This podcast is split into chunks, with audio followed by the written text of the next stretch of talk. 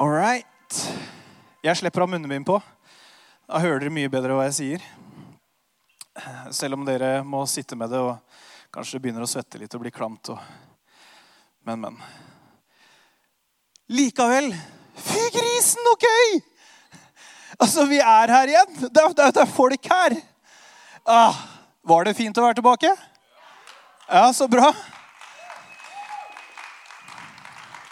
Ja, det, det Jeg syns det var veldig fint å ha folk her. Det var veldig fint at du kom. Jeg har jo hatt den store gleden av å være her hver eneste søndag med prod.gjengen. Og jeg er ganske stolt av det vi har klart å få til med de ressursene vi har, og eh, hvor gode de folka vi har som har vært med å produsere ting og sånn i løpet av det året her. Utrolig takknemlig. Hver søndag har de kommet og stått på for å klare å gi dere en mulighet til å tune inn eller eh, gi dere noen innspill her og der som påska eller jul. Eller gi dere noen sånne små drypp som kan være med å heie dere fram og heie fram troa vår og sette fokuset mot det som vi virkelig tror er det store, når verden ellers er helt kaos. Så jeg er evig takknemlig, i hvert fall. Og det har vært en utrolig rar tid, og det er en utrolig rar tid. Jeg vet ikke om du har merka det? Jeg syns det er kjemperart. Uh, og nå er det blitt sånn at vi har hatt besøk sånn én eller to ganger. eller noe sånt. Uh, og så har vi vært på besøk en eller to ganger. Og da blir det sånn uh, Hvordan gjorde vi dette? oi, vi skal på besøk. Hvordan er det vi er på besøk igjen? Altså, Det er utrolig merkelig. Du føler nesten du gjør noe ulovlig. Altså, Du sitter der og ok, jeg kan ikke hilse, jeg kan ikke klemme, jeg kan, men jeg kan, okay, jeg kan sette meg ned i sofaen din. Hvordan gjør vi dette? Eh, veldig merkelig, for vi har blitt vant til noe helt annet. Før så var det bare sånn ah, Yes, vi skal hjem til folk. Det blir kult. Det blir deilig. Nå er det sånn eh, Hvordan skal vi gjøre det? Eh, jeg syns det er kjemperart. Eh, for vi er blitt ekstremt gode til å bare være oss. Jeg er blitt ekstremt god på å bare være meg. Jeg vet ikke med deg, men jeg tror at det gjelder egentlig alle sammen. Altså, vi har eh, blitt veldig gode på å holde avstand. Veldig gode på å holde avstand. Sånn at ah, Nei, bare oss. Vi kan ikke være med noen andre. Nei, Ikke kom i nærheten av noen andre. Elia, ikke gå bort til han. Nei. Utrolig gode på å holde avstand. Bra, gode til å ikke nærme oss noe vi kanskje ikke skal ha. Jeg vet ikke, Du har jo gått på butikken noen ganger og kikka på ting. Nei, jeg, den var kul. Skal jeg ha den? Nå, nå, gjør vi ikke det engang. Den skal vi ikke ta på. Skal ikke ta på den. og vi er jo blitt gode på å vente og stå i kø. Og jeg vet ikke med deg, men jeg, jeg tar meg fort i å Se på den avstanden jeg har, da. Den er bra altså, Ta meg sjøl i å tenke at nå er jeg god på å stå i kø. Nå er jeg god på å vente. Kikke rundt og så Det er ikke en meter. Dette er en meter. Utrolig gode. Altså, I Norge så har jo køkulturen vært utrolig klein tidligere. Den er jo enda kleinere nå. Altså, det er jo det er sånn Ja. Altså, du, du, vet ikke engang åssen humør de ved siden av er, eller de bak der, for det er jo munnbind på alle, hele gjengen. Er, altså, jeg syns det er så rart. Og jeg er litt mer, For jeg syns det er kjempebra at vi er gode på det. Og det har jo gjort noe med at vi kan samles her i dag, fordi vi har blitt gode på det og er gode på det. Og det er kjempeviktig. Men jeg tenker også på hva er det det gjør med oss på lang sikt. Hva gjør det med oss når vi hele tida er opptatt på at jeg skal skape avstand? For jeg skal bare trives med meg selv og være der jeg er. Hva skjer da? Elia, min sønn på fem år, han har blitt utrolig god på å holde avstand. Og han går med munnbind. og ja, Jeg vet ikke er påbudt, men han har munnbind. Og, men det er gått litt langt. Så når han har slått seg eller har vært trøtt og sliten, lei seg, kanskje litt snutt, og vi skjønner at vet du hva, nå trenger Elia litt nærhet. Nå trenger han en klem. Nå trenger han at pappa kommer ned og setter seg ned sammen med ham. Og, og, og, liksom Går det bra, liksom? Men da sier han, 'Ikke ta på meg, det er korona'. Ja, altså, Det er bra du er god til å holde avstand, men du er min sønn. Jeg har lyst til å nærme meg deg, for jeg ser at nå har du ikke det bra. Men vi har blitt opp... Vet du hva? Du kan, du kan si det. Ikke ta på meg, det er korona. Men ikke min sønn.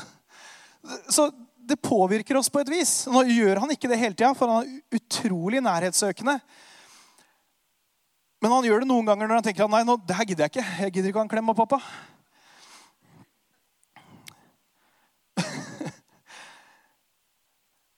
Men det er bra at vi er gode på det.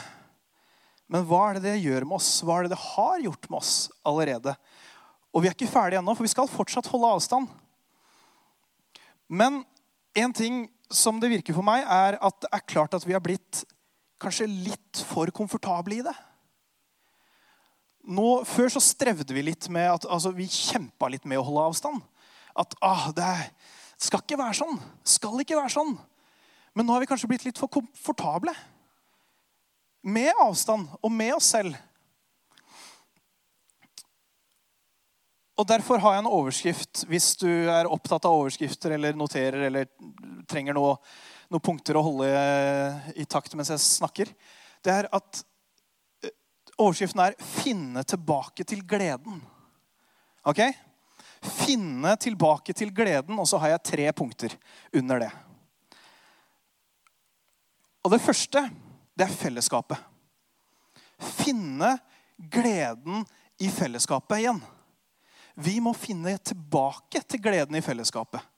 Fordi vi er så vant til å holde oss for oss selv at nå er det blitt mer deilig å si nei og takke nei enn å ønske å være sammen. Så nå når det åpner opp igjen, så tror jeg det er så viktig at vi finner tilbake til fellesskapet, relasjonene. Finner tilbake gleden av å være sammen som kirke. Finner tilbake gleden av å oppmuntre hverandre og heie på hverandre. Være der for hverandre. Finne tilbake til gleden av å kjempe med hverandre. For det, livet er tøft. Det stormer. Livet er vanskelig. Og når du står der aleine, har jeg om tidligere at stormen blir større. Og Derfor sier Paulus i 1. Tessaloniker 5,11.: Derfor må dere oppmuntre og oppbygge hverandre. Finn tilbake til gleden av å komme i fellesskapet. Altså Bare det at dere er her nå til og med, Det er ikke sikkert dere har sagt et ord til noen av de andre. Men bare det er med på å heie oss andre fram.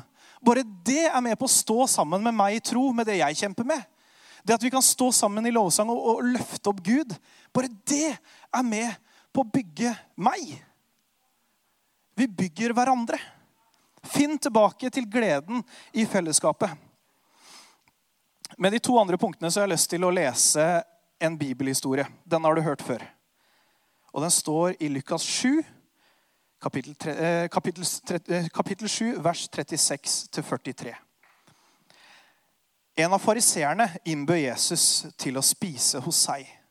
Og Han gikk inn i fariseernes hus og tok plass ved bordet. Og Nå var det en kvinne der i byen som levde et syndfullt liv. Da hun fikk vite at Jesus lå til bords i fariseerens hus, kom hun dit med en alabastkrukke med fin salve. Og hun stilte seg bak Jesus nede ved føttene og gråt. Så begynte hun å fukte føttene hans med tårene og tørket dem med håret sitt. Hun kysset føttene hans og smørte dem med salva. Da fariseeren som hadde innbudt ham, så det, så tenkte han med seg selv var denne mannen en profet, så ville han jo vite hva slags kvinne det er som rører ved ham. At hun fører et syndfullt liv. Da tok Jesus til orde. Simon, sa han til fariseeren, jeg har noe å si deg. Si det, mester, svarte han. Og Jesus sa, to menn hadde gjeld hos en pengeutlåner. Den ene skyldte han 500 denarer, den andre 50. Men da de ikke hadde noe å betale med, så etterga han dem begge gjelda. Hvem av dem vil da holde mest av ham? Og Simon svarte, den han etterga mest, tenker jeg. Du har rett, sa Jesus. Vi skal fortsette historien, men dette er en historie som dere fleste har hørt, lest øh, ja, osv. Dette er en historie som har jobba enormt mye i meg i det siste. Det er den bibelhistorien som har gnagd inni meg. Og jeg kunne sikkert snakka om denne historien i flere timer, så jeg håper dere er klare for det. Nei, nei jeg, skal ikke, jeg skal ikke det. Jeg har bare to punkter igjen. Men det er en fantastisk historie med utrolig mange punkter, utrolig mange verdier, utrolig mange ting å hente fram og ut av. Men jeg skal ta fram da to ting som jeg tenker på, som handler om finne tilbake til gleden. Ok? Og om du går tilbake en ukes tid, kanskje to uker, kanskje en måneds tid Kanskje du trenger å gå tilbake et år. Kanskje du trenger å gå tilbake 10 år, 20, 30 år. Men noe eh, Statement fra meg, da. Men noe har Gud gjort i deg som gjør at du er her i dag. Noe har Gud gjort i deg som gjør at du har tuna deg inn på, på YouTube-kanalen vår og ser på. Noe har Gud gjort til at du valgte å plassere deg her. Og Det samme er det med denne dama. Noe hadde Jesus gjort med den dama som gjorde at hun skulle til fariseerens hus. Det Kanskje du tenker på noe spesielt. Kanskje du tenker på en hendelse. Kanskje du tenker på en ting. Det du tenker på, den tingen, den opplevelsen, hent den fram. Husk på den. Ta den fram. Finn gleden i din historie. Finn gleden i hva Gud en gang gjorde som endret livet ditt, til at du valgte å komme hit i dag. Om det er en opplevelse, om det er en bønn som ble besvart, eh, om det var en mening eller hensikt med livet som, som åpenbarte seg for deg, eller om det var et mirakel du opplevde, eh, om det var en følelse av kjærlighet som du satt igjen med en eller annen gang Hente fram. Finn den gleden. Den gleden som vi kan kalle det ditt evangelium. Denne jentas evangelium som valgte å komme til fariseerens hus, er jo at vet du hva, hun opplevde en gang å bli satt fri av Jesus. Og det ville hun, hun ville tilbake. Du har opplevd noe. Finn fram den gleden, den lengselen, det håpet. Evangeliet betyr gode nyheter. Det var noen gode nyheter for deg. Det var gode nyheter for denne dama. Finn gleden i evangeliet. Ditt evangelie. Og din historie. Om du trenger et av evangeliet å glede deg over Hvis du sitter og hørte dette og så tenkte jeg, ah, jeg kommer ikke på noe. Eh, kanskje det er en lengsel i deg eller et eller annet som er sådd i deg, som gjør at du er her i dag. Men jeg skal gi deg et evangelium som du kan glede deg over. Altså, Dette her er ditt evangelium. Altså, Hvem snakker han til, tenker du nå? Alle! Ok, Dette er ditt evangelium og mitt. Johannes 3, 16. For så høyt har Gud elsket verden at han valgte å gi sin sønn. Den eneste. For at hver dem som tror på ham, ikke skal gå fortapt, men ha evig liv. Trenger du et evangelie å glede deg over? Har du glemt en eller annen historie og en eller annen hendelse som har skjedd med deg? eller du har ikke noen? Dette, dette evangeliet kan du glede deg over. For det gjelder alle. Og det er det største evangeliet. Kanskje du har en mer personlig en som du føler liksom treffer deg enda bedre. En opplevelse, en erfaring. Men dette her er det største. Vi skal gå videre i fortellinga med denne dama fra vers 44.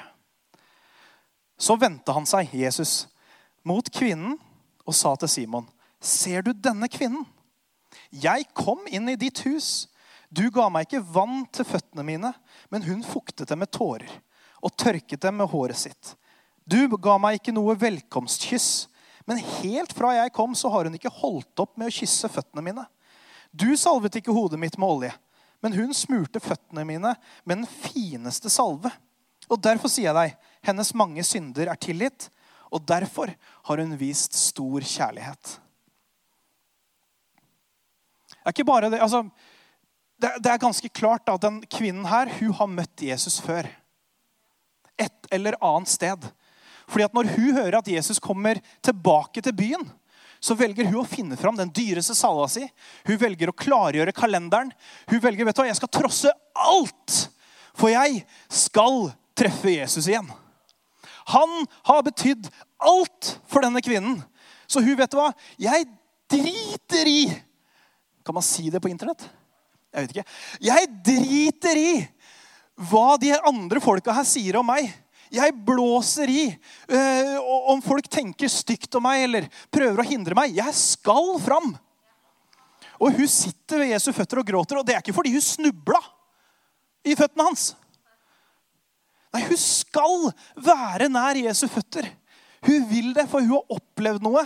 Hennes evangelium var så stort at vet du hva? Jeg husker det han gjorde. Og det kan hende det var lenge siden, men jeg, husker det han gjorde. Han satte meg fri. Jeg skal vise han takknemlighet. Jeg vil oppleve det igjen. Jeg vil ha det tilbake. Mitt punkt nummer to. Finn gleden av å være i Guds nærhet. Punkt nummer én. Finn gleden i ditt evangelie, eller evangeliet. At du er blitt satt fri, at du har fått en eller annen bønn svart, at du har fått mening med livet ditt. Finn gleden i det. Men nummer to uh, Nummer tre blir det. Nummer én var jo å finne gleden i fellesskapet. Nummer to var å finne gleden i evangeliet. Nummer tre finn gleden i Guds nærhet. Finn tilbake til gleden av å være i Guds nærhet.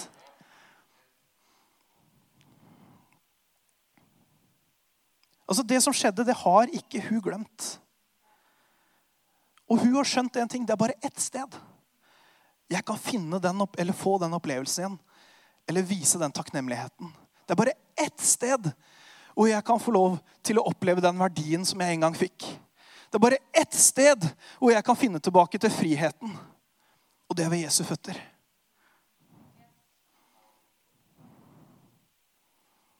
Jeg tror denne dama måtte vente lenge. Eller i hvert fall en stund. da. Hun måtte vente til Jesus kom til byen hennes. Hun hadde ikke muligheten til å dra ut av byen. Men ikke bare det. Hun måtte trosse en enormt mange ting for å komme fram til Jesu nærhet.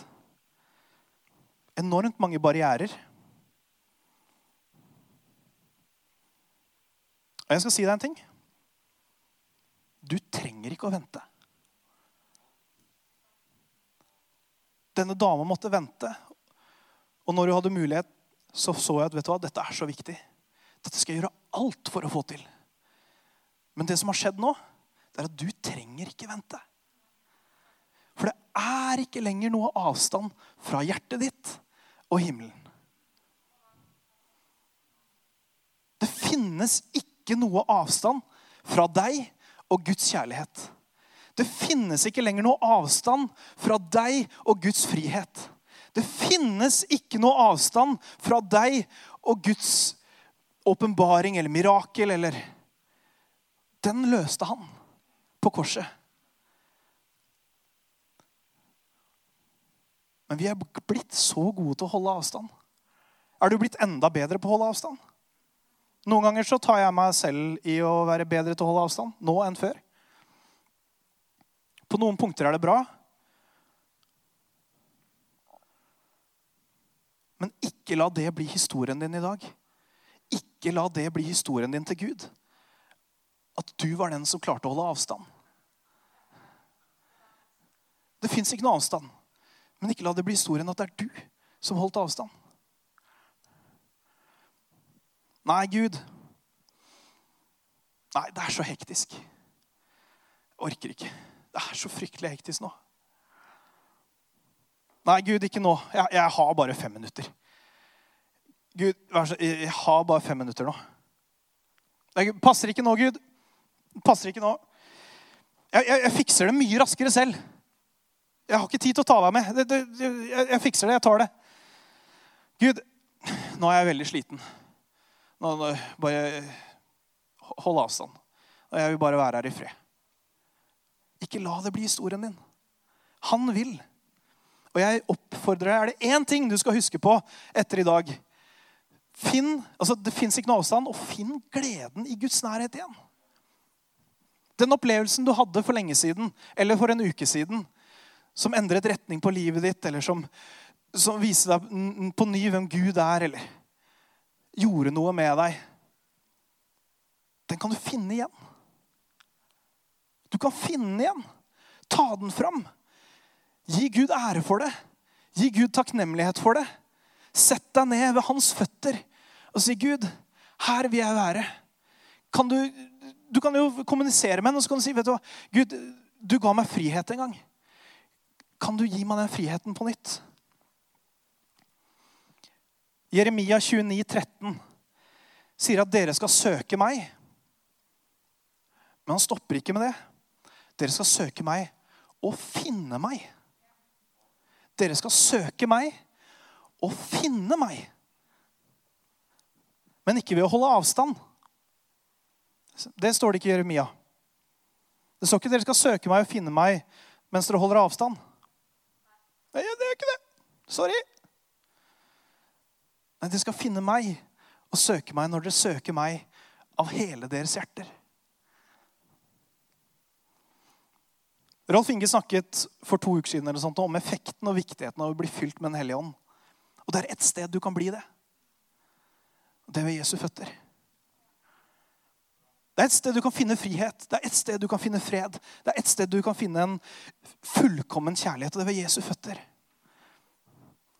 Denne damas tilbedelse var tårer. Ikke tårer av sorg eller tårer av å ha snubla, men det var tårer av glede, tårer av takknemlighet. Og hun smørte og salva Jesu føtter med olje. Det var hennes tilbedelse. Og nå skal du få mulighet, hjemme eller her. Vi skal ta oss lovsynge litt. Det kan være din tilbedelse, eller du kan sitte i stillhet, eller du kan be. Bare du vet den historien din, den, det evangeliet ditt. Bare du vet det. Du kan hente det fram, vise Gud ære takknemlighet for det. Du kan be, vet du hva? Gud, fyll meg på nytt. Vær nær meg igjen. Gi meg fred.